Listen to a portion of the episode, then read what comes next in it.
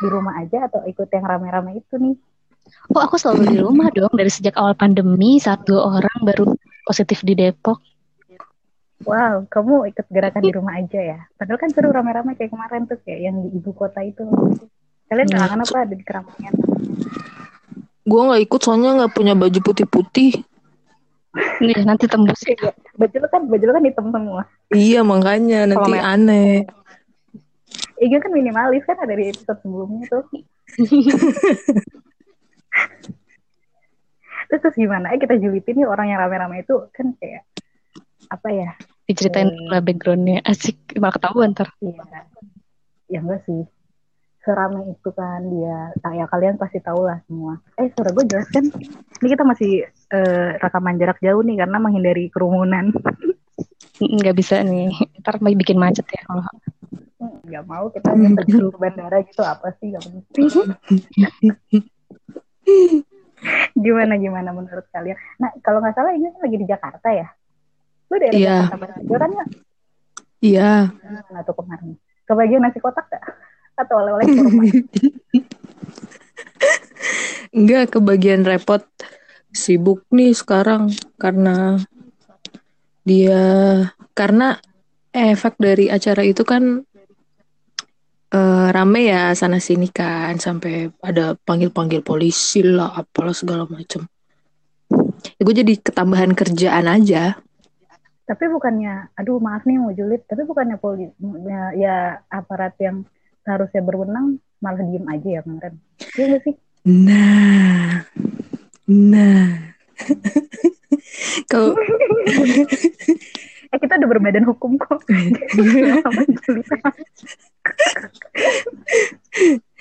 Ya pokoknya sebenarnya kalau kalau dari pihak geng putih-putihnya itu ya mereka menganggap sudah mengantongi izin dan sudah berupaya menerapkan protokol. Mereka nggak bilang kalau kita nggak ngundang segitu banyak orang kok undangan kita cuma 30 orang tapi ternyata kalau yang datang banyak ya kita nggak bisa tahan gitu. Tapi dia udah antisipasi kalau akan ada banyak gitu dari eh, apa namanya pemberitahuan gitu. Katanya sih dia udah ngasih tahu ke lurah camat bahkan polisi setempat gitu.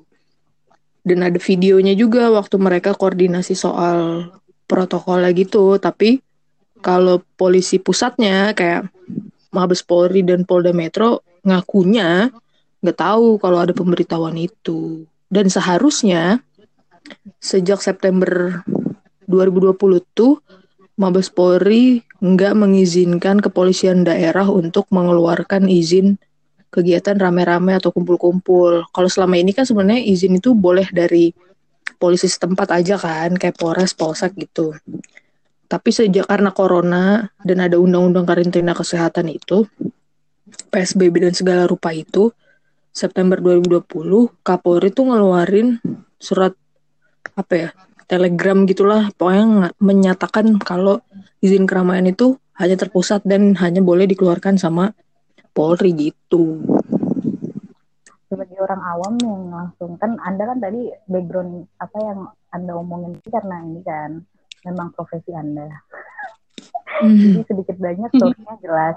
Kalau gue kan orang awam nih, terus ketika gue lihat di media, wow, puluhan ribu orang itu berkumpul, sementara gue ya mau jalan aja takut-takut, mau ke mana-mana tuh kali apa kali semenit pakai hand sanitizer gitu. Agak sirik sih dan itu Kan kalau mungkin karena level keimanan lo belum nyampe situ, Ti. Karena kan kalau level keimanan mereka tuh kayak udah yang ya zikir aja. Maut itu udah kayak rezeki, maut itu tuh udah ada yang ngatur gitu. Allah yang ngatur kalau lo emang harus mati saat itu nggak hanya karena corona ya mati gitu. Oke kita akhiri aja gimana daripada ini berayat ya semua kita kuning. Nabila gimana? Bener. Diam aja Nabila betah ya di Bandung. bener hilang si Inga. Si Inga beneran hilang. Gila kacau banget dia. Beneran hilang lagi lu. iya kok gue keluar gue diculik langsung nih. Eh ayo lo. Adminnya putih-putih. Berarti nanti cover kita Angkor. polos aja ya? Oh gitu. Iya, makanya tingkatkan lagi ya keimanannya ya. Siap, siap, siap, siap, siap. Bandung gimana nih Bandung biasa aja. nyampe ke sana gak? Kenapa? Ada yang berangkat dari sana nggak ya? Oh, saya kan di rumah aja. Demi tahu. Siapa tahu Anda korlap sebenarnya. Mm -hmm. Cuma dari kemarin tuh ya pas yang berita awal banget yang soal bandara itu ya, itu tuh gue kayak berusaha tidak cari tahu, tidak baca apa pun karena kalau udah menyangkut orang itu tuh gue kayak kesel sendiri.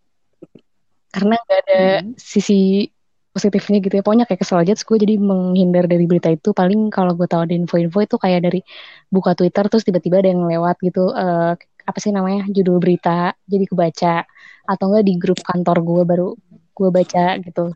Tapi nggak secara khusus mendalami itu. Terus ternyata itu emang berkepanjangan ya dan apa sih kayak yang terakhir tuh ya kan pakai itu saut-sautan kan terutama yang seru tuh sebenarnya yang sama Nyai sebenarnya ya.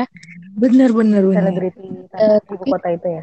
iya jadi pokoknya saut-sautan kan kayak ya sebenarnya di, ya kita tas kita semua pasti tahu lah dan bisa menebak awalnya itu siapa yang cari masalah ya udah.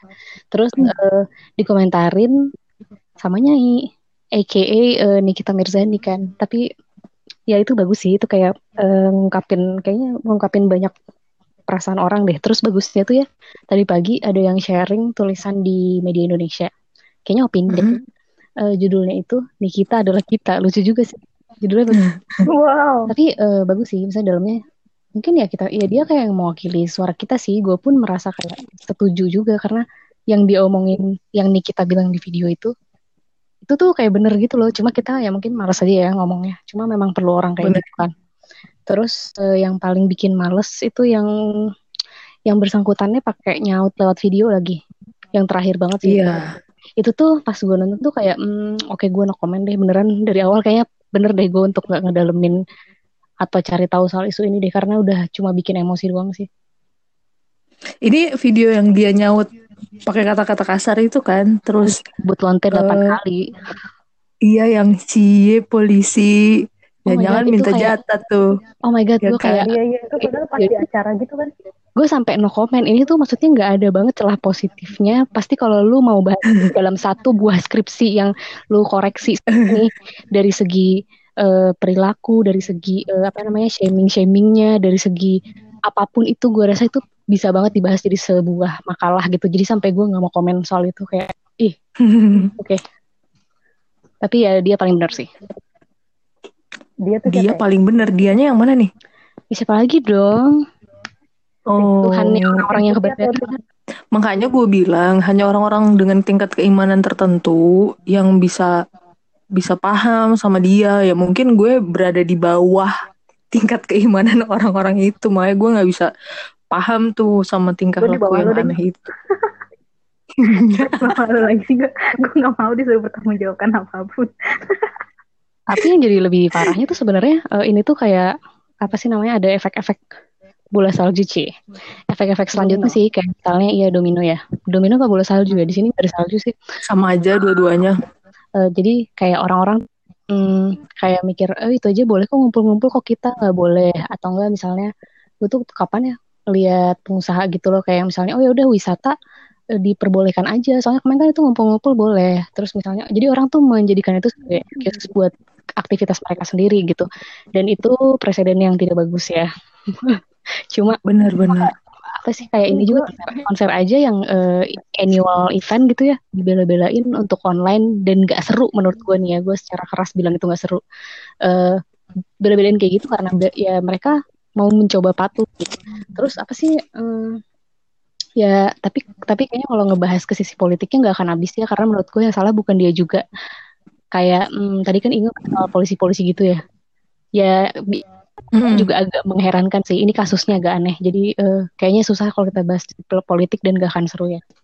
Ya gitu. udah Nabila. Makanya kan udah titik. Kan udah titik. Lagi ngomong gitu titiknya titik gak ngomong. Gue nggak nyaut suaranya gue suaranya bener-bener suaranya di sini kayak bergelombang gitu Oh, ini kita saking patuhnya sama prokes ya.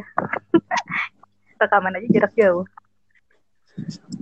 Eh, tapi ya maksud gue kita nggak usah bahas dari sisi politik apa segala macam. Cuman kayak yang tadi di awal gue bilang aja. Gue sebagai orang awam agak iri ya boleh dibilang iri karena gue kan salah satu yang pencinta keramaian ya. Terus tiba-tiba gue udah nahan diri banget. Terus lo dia kok sepuluh ribu orang berkumpul gitu. Sedangkan gue udah berbulan-bulan di rumah doang. Eh tapi gue mau sharing kemarin minggu lalu deh gue ke pasar gede bagi tau kan kenapa kenapa nggak ketemuan sih kita aja rame banget coy. Rame banget coy. Rame itu bener kayak udah biasa aja kayak pasar aja. Kayak orang Bandung nggak takut orang ya memang udah kayak biasa sih ramenya kata pedagang tanaman juga udah mulai banyak kok yang beli offline. Tapi kalau lo, lo pribadi dan keluarga lo masih belum ya? Atau masih seperlunya uh, aja? udah seperlunya aja. sedikit. seperlunya aja.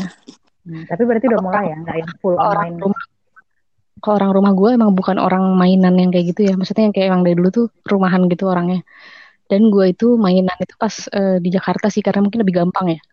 Di sini kayak males aja. Di rumah tuh atmosfernya males gitu pengen di rumah aja terus uh, ya jadi sekarang sih gue biasa aja di rumah kayak nggak bosan-bosan banget. Cuma kalau kayak pengen keluar kota gitu-gitu sih pengen sih. Cuma ya udahlah lagi corona ini daripada mati kan. Eh wah tuh ini mungkin kalau bukti keluar iman, keimanannya tadi nggak? Kok dia takut sama corona? Takut mati iya. corona ya kan? Mati mau mati aja. Meningkatkan lagi keimanan lo ya. Oh, kalau gue gue itu ini rasa pedulinya tinggi. Terus nggak gimana nggak tahu? Apa? Lu tadi bukan lagi ngomong. Iya zikir yang banyak udah. Soal keimanan, meningkatkan keimanan. Coba, coba dong contohin zikir yang banyak kayak gimana? Astagfirullahaladzim. Gitu aja terus. gitu doang nih lulusan al Nah terus selain dia rame-rame di bandara itu kan dia nikahan juga ya kalau nggak salah. Bukan dia sih yang nikahan. Iya, ini kan diralat nih mbak. Oh. Belum titik tadi. Iya kan yang rame-rame tadi gue bilang dapat izin polisi itu yang nikahan pas maulid nabi yang ada video viral dia respon si nyai. Tapi katanya dia sampai ngundang sepuluh ribu orang. Gue nggak tahu nih gue dapat info dari mana. Emang iya ya? Bukan ngundang sih. Apa gimana? Hadir tuh sampai sepuluh ribu orang. Iya jadi bukan ngundang. Dia sih ngakunya gini ya ngakunya tuh dia hanya mengundang 30 orang untuk nikahan nah untuk kayak maulid ini ya tadinya tuh ya nggak pengen rame-rame cuman kan kami tidak bisa membendung umat yang mau datang gitu cukup rapih ya uh, kalimatnya. Maksudnya sebenarnya bisa juga kayak misalnya Presiden Jokowi ini bilang, saya nggak ngundang nih ya, tapi besok saya mau ke sini jam segini. Ya orang pasti otomatis dong ya, mohon maaf nih. Otomatis nggak ngundang, tapi kan ngomong nih, ngumumin nih, nggak kayak Serina tiba-tiba udah fotonya doang. Itu baru tuh nggak ngundang. iya gitu, apalagi pas dia bilang uh, kita nggak bisa membendung itu, dia juga udah nyiapin tenda yang cukup untuk kapasitas 5.000 sampai 10.000 orang. Iya, mohon maaf ya. Males kan julitinnya karena males kan hal bisa dijulitin. Iya, terus udah gitu dia cuma kena denda 50 juta. Menurut kalian cukup nggak? 10 juta gitu. Mungkin karena ini ya, karena kan ada jenjangnya kan, kan dia uh, pertama peringatan dulu ternyata masih ini baru denda 50 juta itu. Kalau dia melakukannya lagi baru nambah kali mungkin gitu. Iya berkelipatan katanya nah, tapi juta. Emang, Iya, tapi emang perhitungannya tuh gue nggak tahu pasti sih gimana perhitungannya. tapi kenapa cuma event yang itu ya? Kan itu yang udah berkesekian kali gitu loh. Kan yang pertama mungkin dia dapat peringatan. Pertama tuh kan yang mana? Ada jenjang-jenjangnya gitu kan. Yang yang bandara hmm. ya kan bandara heboh tuh dikasih peringatan dulu ternyata masih ada lagi. Terus dia kalau nggak salah punya acara di Bogor juga hmm. di puncak deh tuh acara apa gitu tapi nggak akumulatif ya sifatnya maksudnya uh, abis pulang dari luar negeri gitu langsung diputihkan gitu ya. Maksudnya nggak akumulatif dari dulu yang bikin heboh tuh apa aja. Dan jadi maksudnya yang nikahan ini kan yang kesekian kan. Kenapa nggak dia akumulasi dari dulu? Jadi harusnya pas dia ke sini di acara bandara itu udah dapat peringatan atau denda sekalian Enggak, yang waktu yang, yang dulu belum PSBB yang berjenjang tadi itu kan Hmm, kan dulu udah heboh, gitu. jadi begitu balik ke sini maksudnya jadi putih lagi gitu ya. Hmm. kan ini kaitannya sama PSBB. Oh, Oke. Okay. Oh iya benar. Kalau lagian tapi ya maksud gue juga kan dia baru datang dari luar negeri ya. Kok nggak karantina 14 hari sih? Itu kalau gue nggak salah, kalau gue nggak salah ada baca nah katanya dia swab dan negatif, makanya dia kayak ya udah gitu, gue mau beraktivitas. Ya tapi kan tetap harus 14 hari nggak sih kan masa inkubasi 14 hari. Kalau hari ini negatif, 14 hari kemudian bisa 14 hari kemudian bisa positif. Nah, dong. makanya kemarin tuh banyak juga yang gue baca, eh, yang gue nonton sih ya, takar yang kayak, lo harusnya lo tidak diskriminasi dong, dia harusnya diisolasi juga 14 hari. Tapi ya gimana, people power. Makanya sebenarnya tuh ini politis banget. Kalau misalnya dia nggak punya power kan, hmm. sebenarnya yang nggak mungkin itu terjadi dong menurut gue ya. Tapi kan kita ngomonginnya nggak politik ya. Ya masa kalau misalnya orang biasa di gue, terus gue negatif, pasti gue gue nggak akan dilepasin gitu aja kan. Beda dengan dia kan. Jadi jadi tanda iya. tanya tapi ya nggak perlu ke sana lah kita bukan tempo ya enggak ya iya lagi serem tau bang tapi aku aku trauma sama putih-putih oh nggak tahu dia tuh sebenarnya kenapa dilepasin aja karena dia tuh utusan Tuhan untuk herd immunity. Wow. Oh luar biasa oh kan? ya udah. Jadi memang itu tujuannya. ya, buat mm -mm, tercerahkan kan? Iya banget. Tapi Hmm. Hasil positifnya nggak terlalu ini ya, gak terlalu beranjak itu cuma kayak kemarin sempat lima ribu, tapi habis itu dua hari doang deh kalau nggak salah. Tapi habis itu langsung turun lagi. Ya belum tentu ya, karena sekarang jadi apa namanya yang kemarin kita sempat tinggi-tinggi banget itu karena jumlah tes per iya. harinya kan tinggi tuh. Hmm. Nah sekarang katanya tes diklaim turun, tapi tes per harinya juga turun. Jadi kayak ya kecuali klaim turun, klaim sudah menurun angkanya, tapi jumlah tesnya tetap sama sama yang waktu banyak itu ya itu baru bisa diapresiasi sih menurut hmm. gue tapi kalau angka turun karena jumlah tes juga sedikit ya sama aja nggak sih? Jangan-jangan kalau angka tesnya banyak angkanya juga masih banyak. Capek ya politik lagi ya, capek gitu tinggal di sini nggak? Enggak sih kalau keluar negeri juga capek. Ya, tapi balik lagi ke pertanyaan gue ya, tadi kalian belum menjawab 50 juta tuh cukup gak sih? Maksudnya kayak harusnya dia dan dan gue nggak tahu ya buntut kasus ini katanya ada Sejauh ini udah ada satu kepala daerah yang dipanggil dan dua akan menyusul. Dan itu banyak pakar yang menganggap itu berlebihan kayak yang, kenapa harus kepala daerah ikut dipanggil gitu. Iya, padahal sebenarnya masalahnya ya, satu ya, doang kan.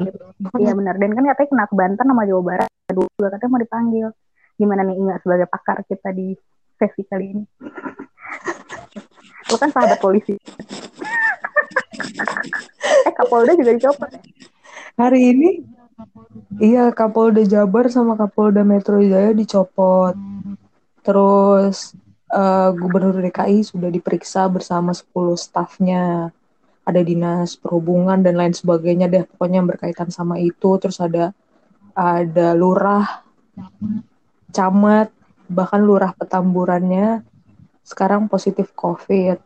Karena waktu pemeriksaan di Polda kan di di apa namanya di rapid ya di rapid reaktif dan di swab positif akhirnya dia dirujuk ke rumah lurahnya ikutan ya rame-rame kan lurahnya juga koordinasi sama panitia segala rupa. Terus nextnya katanya Ridwan Kamil mau dipanggil tapi Ridwan Kamil akan menyerahkan tanggung kalau dia bilang kalau sempat gue baca lupa. itu uh, karena di selain DKI itu tuh setempat gitu loh yang ngambil keputusan. Karena DKI kan dari daerah istimewa gitu lah. Jadi uh, kalau Jabar mm -hmm. itu ininya bupati wewenangnya bupati sama apa tuh satu kota hmm, kota iya. cuma nah, ya makanya ini politik banget kok kesannya sepertinya uh, kalang kabut menangani di setelahnya bukan preventif gitu. Kayak jadi males. Pak politik iya kalau kalau gue baca ma majalah ada lain nggak? Ada bacaan lain nggak? Iya, bisa bisa yang lain nggak? Kompetitor kayak terubus gitu. Kalau gue Enggak, soalnya di majalah Tempo itu ada yang kemarin yang covernya sempat beberapa kali di take down dari Instagram sama sama Instagram mungkin banyak yang nge-report itu uh, kepulangan si Rizik ini memang sudah dilihat akan ada uh, rame-rame lah ibaratnya gitu tapi di belakangnya kayak kayak petinggi-petingginya termasuk menteri Mahfud MD menteri apa ya? Siapa? Mahfud MD. Ya pokoknya ada deal-dealan lah gitu. Ya udah nggak apa-apa dia pulang. Kan selama ini dia pulang ribet banget kan. Pulang aja dia itu bukan Menko Polhukam ya? karena dia, Ya kan itu Kemenko Polhukam, mohon maaf ya nih. mungkin. Iya. iya ya oke itu. Pokoknya itu dan bin lah. Menko Polhukam dan bin dan segala rupa Kapolri segala macam TNI itu katanya mereka bikin deal-dealan gitulah. Ya udah nggak apa dia balik ke sini asal nggak usah terjun lagi ke dunia politik.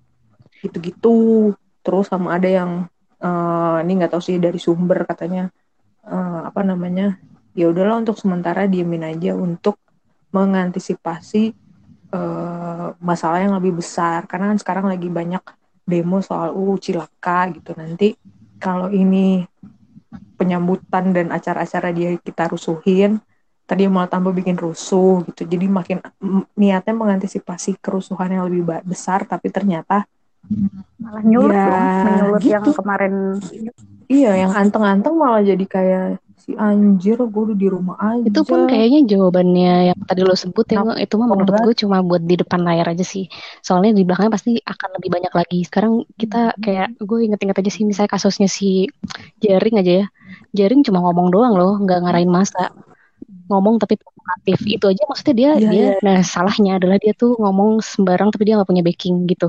Dan dia langsung dijeblosin kan dengan gampang. Dan ini kan kayak, kayak rumit banget kan pakai oh cilaka takutnya ntar dia bikin heboh gini-gini. Maksudnya kenapa ada pemikiran-pemikiran kayak gitu kalau misalnya kalau memang orang ini tuh tidak powerful dalam tanda kutip? Jadi ya makanya males banget males banget gitu gue komen kayak udah jelas ini tuh aneh cuma hmm. yang bisa kita lakukan sebagai masyarakat tai banget ya ya paling ya, kita di kita ngerem Masih. diri sendiri aja supaya hmm. jangan ikutan terprovokasi terprovokasi gitu terus gara-gara itu terus kita jadi kayak ignorance eh tapi melihat privilege yang dimiliki sama mereka kalian nggak mau gabung aja ke putih-putih hmm.